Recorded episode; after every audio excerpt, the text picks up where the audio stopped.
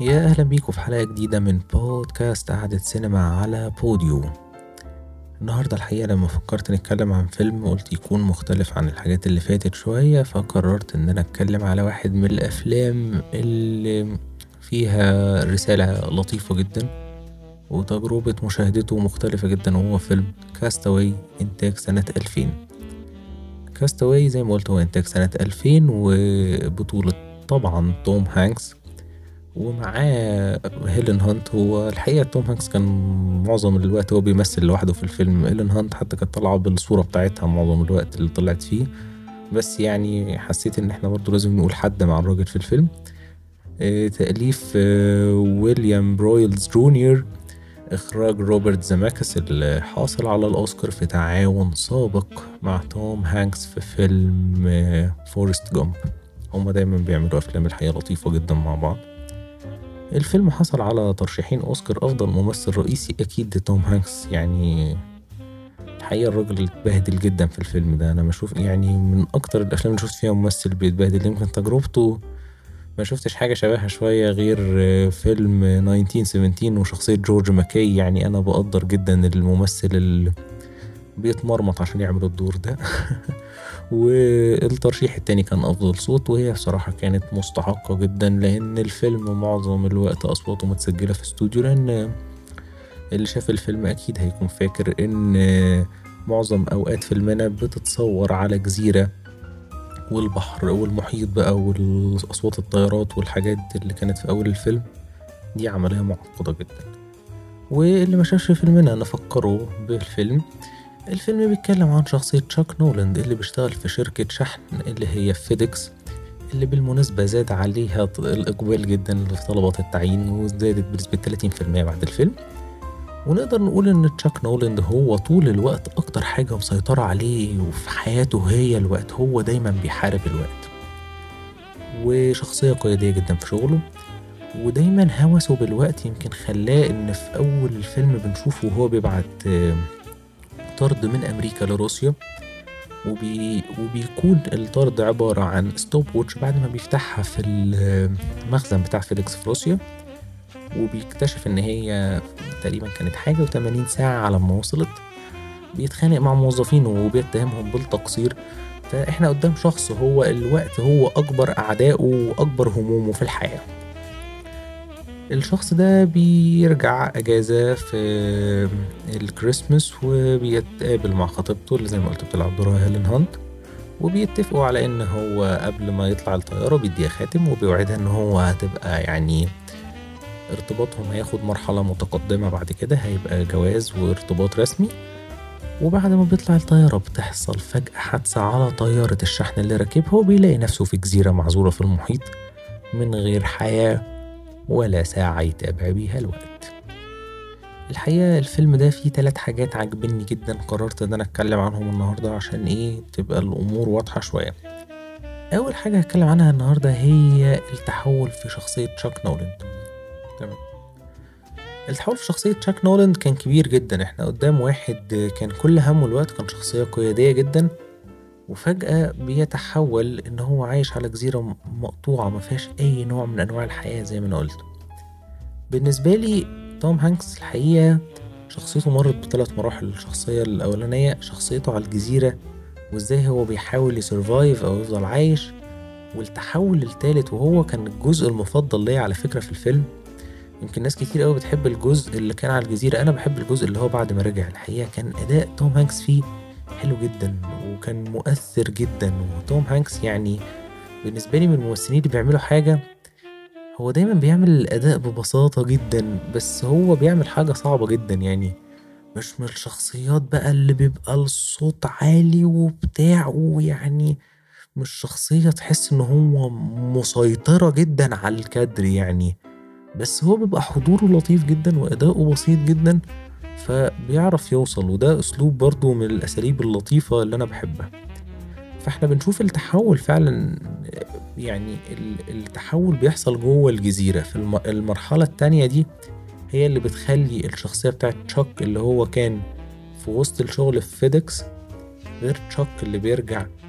وبيبان بقى التحول ده بالنسبة لي في مثلا بداية الفيلم هو كان شخصية صديقه اللي بيتكلم معاه دايما كان بيحكي له عن مرض زوجته.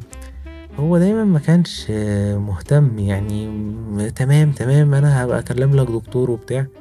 لما بيرجع بعد الأزمة اللي هو فيها بنلاقي تشاك نولاند إزاي قاعد بيسمع الأزمة اللي هو فيها. وبعدين بيقول له حتى بيسأله عنها بيقول له هي ماتت. فتلاقيه حتى متعاطف أكتر بيسمع بشكل أوضح بشكل ألطف. فدي بالنسبة لي كانت حاجة يعني تحول كبير جدا في شخصيته. في الأول بتلاقوه مثلا ما كانش مهتم أوي إن هو ياخد خطوة أكتر مثلا في علاقته مع كالي لا بنلاقيه بيرجع هنا بيحس فعلا بالحاجة اللي ضاعت منه.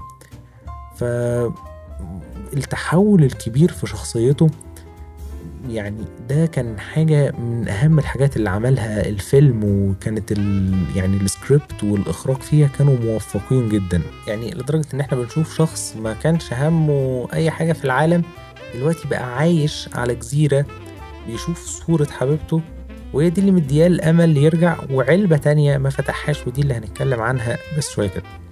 الحقيقة الحاجة التانية اللي حابب إن أنا أتكلم عنها هي اختيارات السيناريو اللي كانت موفقة جدا بالنسبة لي. في ثلاث اختيارات هما دول أهم اختيارات يعني لفتوا نظري الحقيقة. اختيار فيديكس كمكان لأن هو مكان فيه حياة جدا 24 ساعة. الموظفين حتى اللي بيشتغلوا بيغيروا الشيفت بيرجع موظفين تانيين. مكان ما بيقفش. فالمقارنة بين إن واحد بقى على جزيرة معزولة ما فيهاش ناس ومقارنة مكان زي ده بيوضح مدى التحول. التضاد اللي بينهم دي حاجة بتوضح لنا قد إيه كان التحول كبير حتى في شخصيته. ويمكن عشان يقدروا يشتغلوا على الجزيرة دي المؤلف راح عاش على جزيرة شوية في حتة مقطوعة كده وبقى يشرب بنفس الطريقة اللي بيشرب بيها توم هانكس في الفيلم. وعايش على جوز الهند. فالمعايشة دي ادتنا نوع من أنواع الواقعية في الفيلم. ويمكن ناس كتير قوي بتهتم بالجزء اللي على الجزيرة بس أنا بالنسبة لي الجزء على الجزيرة هو حلو طبعا وحاجة مهمة جدا إن إزاي الواحد ي survive أو يفضل عايش. بس الحاجة الوحيدة اللي خلت الفيلم ليه قيمة كبيرة الحقيقة عندي هي الفلسفة اللي ضافها روبرت زيميكس لما دخل في الفيلم. توم هانكس في الحقيقة هو لما اشتغل مع برويلز في الأول كان المشروع جاي من عند توم هانكس وكان هو معجب جدا بفكرة ال survival حتى كان في واحد من الكتاب اللي بيكتبوا أفلام western وكان شارك في الحرب العالمية التانية اتعرض لحادثة شبه دي شوية وفضل يعني عالق على جزيرة لفترة ما. فالموضوع كان شغله هو يمكن حتى لما بيتكلم بيقول أنا مش فاكر الموضوع بدأ عندي من بس هو الموضوع شاغلني دايما والقصة بتاعت ال survival مهمة قوي بالنسبة لي. فراح لبيل برويلز آه ويليام برويلز على فكرة. ويليام هو بيل زي روبرت وبوب كده. فبرويلز كانت الموضوع بالنسبة له عجبه جدا وراح عمل معايشة الجزيرة. وكانت الحاجة الأساسية وفلسفة الفيلم هي تماسك تشاك وصبره. تشاك نولاند كان هيفضل متماسك لحد ما في حد هيجي ينقذه من على الجزيرة بالصدفة. الحقيقة الإنقاذ كان هيجي تقريبا عن طريق سفينة سياحية حد كان معدي في مركب يعني ايا كان كان هما هتفضل الثيم الرئيسي للفيلم هو إن في حد هينقذه بالصدفة فال survival هو عنوان الفيلم. روبرت زماكس لما دخل معاهم في الفيلم قال لهم يعني هو المشروع كده بالنسبة لي أنا مش شايفه بالطريقة دي. لازم الفلسفة تتغير هو اللي ينقذ نفسه. ودي كانت الحاجة اللي ادت روح للفيلم بالنسبة لي وهي اللي ادت التحول في شخصي في شخصيته ليه قيمة. يعني إحنا بنشوف ان هو خلاص بقى مش مجرد واحد تعايش لا هو فضل الأربع سنين اللي عالق فيهم على الجزيرة بيلاحظ حركة السفن البعيدة جدا بيلاحظ المد والجزر قادر يحسب هو بقاله قد إيه على الجزيرة عمل زي التقو... التقويم الخاص اللي عايش بيه هو عارف إحنا في شهر كام هو عامل إيه عنده النتيجة بتاعته حسب إن في مارس وإبريل ده أحسن وقت للمد والجزر. بدأ يجمع الخشب ويربطه بحبال. حتى لما الطيارة وقعت كان في شوية حاجات منقولة في فيدكس فعرف يستغل شرايط الفيديو اللي كانت منقولة إن هو يعمل بيها أربطة. يمكن المد لما جاب له زي لوح بلاستيك كبير عرف يعمل بيه شراع. هو آه فضل ي keep breathing ويفضل إن هو عنده أمل في الحياة بس هو برضو عنده فكرة إنه ينقذ نفسه. آه في الأول وفي الآخر هو ركب على اللوح الخشبي اللي عمله وفضل مكمل لحد ما وقف جنب مركب فشافوه فأنقذوه رجعوه وبقت القصة المشهورة في أمريكا يعني إن هو رجع وفيدكس استضافوه تاني وكل ده. بس الخطوة إن هو يعدي المحيط فكرة إن الإنسان لازم على قد ما يبقى عنده أمل على قد ما بيحاول ينقذ نفسه.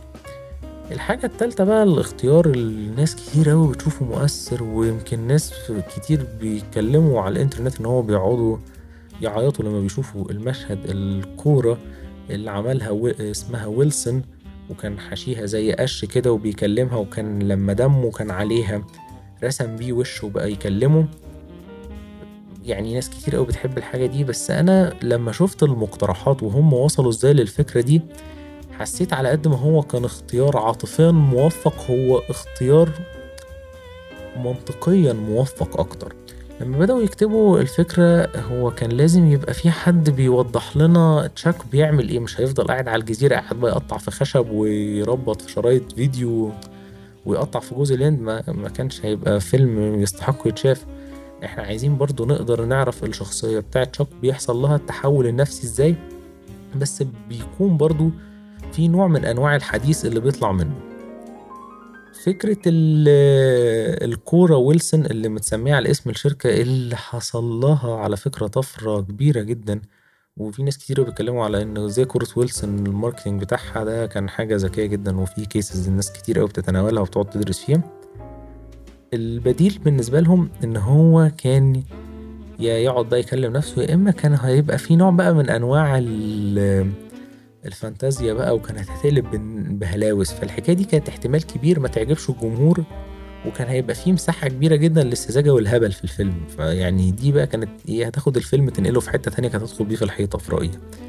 فاختيار ويلسون والحوار اللي كان بينهم على قد ما هو بيكلم جماد على قد ما كان أفضل إن هو يكون بيقعد يكلم نفسه. على فكرة card برضه من ضمن الاقتراحات إن هو كان هيبقى فيه ال good تشاك وال bad تشاك كان هيقعد يكلم الجانب الكويس فيه والجانب اللي مش كويس فيه.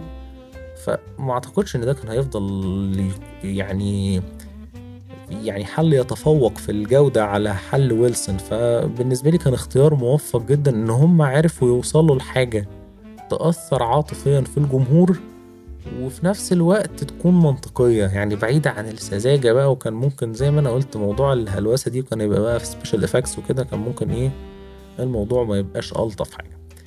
الحاجة بقى اللي هي بين اختيارات السيناريو والنهاية هي إن الفيلم بيبدأ وبينتهي في مفترق الطرق وده هياخدني إن أنا أتكلم عن دلالة النهاية. في دلالة النهاية في ناس كتير قوي بيقعدوا يتكلموا وبيربطوها بالعلبة فخليني أتكلم عن دلالة النهاية في شكلها البسيط مفترق الطرق كشكل عادي جدا بيدل على فكرة الاختيارات المفتوحة هل تشاك هيرجع لحياته القديمة؟ هل هيرجع لشغله؟ هل هيعمل حاجة تانية في حياته؟ هل هيدخل في علاقة جديدة؟ فالفكرة إن كل الاختيارات قدامنا مفتوحة خصوصا مع ظهور الست اللي كانت قابلته في مفترق الطرق معاها عربية ومرسوم عليها شعار اللي هو كان مرسوم على العلبة اللي معاه طول الوقت على الجزيرة وما فتحهاش وبتقول له كل طريق بيودي فين؟ وكل طريق على فكرة كان لو حد مركز بيودي لوجهة بعيدة جدا عن التانية فكأن الاختيارات واسعة قوي قدامه وفي بينها فروق كبيرة. والست دي صاحبة العربية اللي عليها جناحين. هي صاحبة أكتر حاجة غامضة في الفيلم زي ما ذكرت وهي العلبة. وقصتها بتبدأ يمكن من بداية الفيلم من قبل ظهور تشاك نفسه. وهي بتبعت هدية لجوزها عليها الرسمة دي في روسيا نفس البلد اللي كان فيها تشاك فيمكن ده بيوضح لنا إن هما يمكن اتعرضوا يمكن لظرف إلى حد ما قد يكون مشابه أو في حاجة بتربطهم هي نفس البلد يعني. وقبل الإرسال بنشوف وحد مندوب فيدكس بيرايح بياخد العلبة بتلاقي لحظة الإرسال بيبان على الباب فوق بتاع البيت أو البوابة الكبيرة اللي قبل البيت اسم ديك وبتينا. بتينا هي وبيكون شعار الجناحين في النص بينهم. ويمكن لما بتروح العلبة لجوزها في روسيا بيبان إن هو كان بيخونها ومش مهتم جدا بيها. بس نرجع للعلبة. العلبة دي اللي كانت موجودة مع تشاك آه، نولاند وعليها الشعار ده. يمكن كتير شافوا إن الشعار ده هو هو رسمة جناح الملايكة فإن دي ملاك الحارس وفي العلبة دي جواها الأمل. فكرة الجناح دي خلت الناس يعني إيه تقعد بقى تقول العلبة دي بقى جواها إيه؟ الناس مش عارفة إيه الحكاية. بس العلبة دي الواضح من رسالته اللي سابها لها على الباب لما رجع إن هي أنقذت حياته. هو كان عنده أمل إن هو يرجع يبقى عنده حاجة تربطه بالعالم يرجع يوصلها تاني. بس برضه محدش عارف إيه اللي جوه العلبة. فحسب الدرافت التالت ودي بقى يمكن مش ناس كتير قوي بتتكلم في الموضوع ده هو كان في كذا درافت من السيناريو رقم ثلاثة بقى كان بيقول إن تشاك بيفتح العلبة في اليوم الألف ليه على الجزيرة وبيلاقي رسالة آه، وعلبتين صلصة صوص كده بيتحط على الرز المكسيكي هو ده اللي اتقال.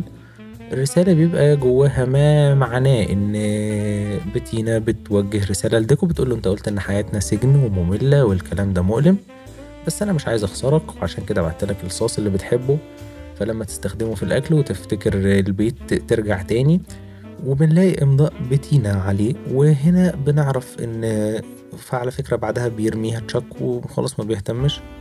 فبعدها بنعرف إن العلبة دي بتخص بتينا اللي هي كانت في الأول. ده لو إحنا كنا مشينا على السيناريو. فغالبا لو كانت العلبة دي إحنا عرفنا فيها إيه كان اللي هي في ال range ده يعني مش هنلاقي حاجة. بس هم طبعا لما سألوا زيميكس المخرج قال لهم لا دي كان فيها تليفون آه، بيعمل بالطاقة الشمسية وبيوصل بالقمر الصناعي يعني اللي هو إيه كان ممكن يحل الموضوع بيعقد الناس. بس دي كانت أقرب حاجة لفكر المؤلف. فلما بنرجع تاني بقى وبنشوف لما قبل ما بيقف على مفترق الطرق وبنشوف هو البوابة وهو داخل بنشوف إن اسم ديك اتشال فمعناها إن العلاقة دي انتهت وبيفضل الشعار واسمها. فهنا نقدر نعتبر إن الاتنين خسروا علاقتهم لأسباب مختلفة وتقابلوا برضه في مفترق الطرق نفسه. ويمكن البعض نفسه بيتوقع إن بعد الفيلم آه، اهتمامه ببتينا خاصة إن هو لما وقف بص في الطريق اللي هي مشت فيه وابتسم كده ابتسامة خفيفة فغالبا إن الناس بتقول إن هما هيتعرفوا على بعض كيعني شخصين عندهم حزن في حياتهم خسروا علاقتهم يمكن زي ما إحنا ما قلت حاسين إن القدر بيربطهم بشكل أو بآخر من الرسالة الأولانية. ده التوقعات ده لو إحنا قلنا مثلا في جزء تاني من الفيلم أو في حاجة إحنا عايزين نعرفها. بس الفيلم ناس كتير قوي بتتضايق إن هو ما حسمش النهاية. بس هي متروكة لخيال الناس فده النهاية بالنسبة لي. وحسب كلام توم هانكس لما وقف يعني بيتكلموا معاه النهاية على مفترق الطرق يعني بيقول إن يعني هو دي نهاية مفتوحة بس الرسالة اللي هو عايز يوصلها إن الشخص والإنسان هيبقى تمام و okay طول ما هو بيتنفس وعنده رؤية وتوازن لحياته. فده بالنسبة لتوم هانكس ال moral بتاع الفيلم.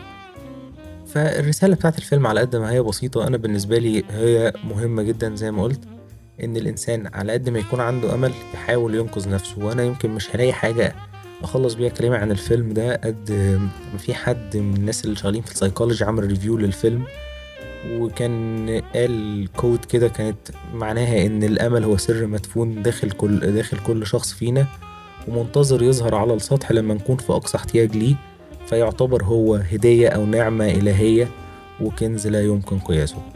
زي ما قلت الفيلم هو بسيط جدا فكرته بسيطة بس لفت نظري اختيارات كتير كانت موفقة فيه ورسالة حلوة. يمكن تجربة مشاهدته خاصة الوقت اللي على الجزيرة ممكن يكون مجهد نفسيا بعض الشيء لبعض الناس.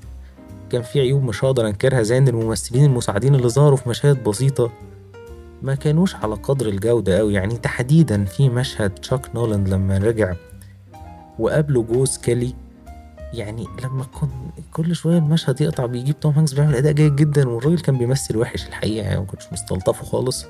فدي مثلا من ضمن العيوب. بس زي ما قلت رسالة الفيلم حلوة جدا ودي اللي بيخلي له قيمة كبيرة جدا ويمكن عشان كده لحد النهاردة الناس بتحبه وبتتكلم عنه لأنه يعني بيوصل حاجة لطيفة وبيخاطب حاجة جوه الناس. لحد هنا خلصت الحلقة. يا رب تكون عجبتكم. يا ريت تعملوا subscribe عشان توصل لكم notification لما تنزل حلقة جديدة وتعملوا like و share ولو في حد عايز يتكلم في أي حاجة على الأفلام معايا يقدر يتواصل معايا على ال social media موجودة في ال description فوق. نتقابل الحلقة الجاية. مع السلامة.